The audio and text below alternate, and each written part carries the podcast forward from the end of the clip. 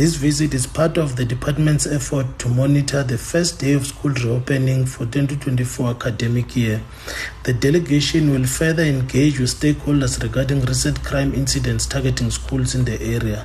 In August 2023, the South African Democratic Teachers Union, the Mariete branch, uh, marched to highlight the dire situation, prompting the department to implement this integrated approach.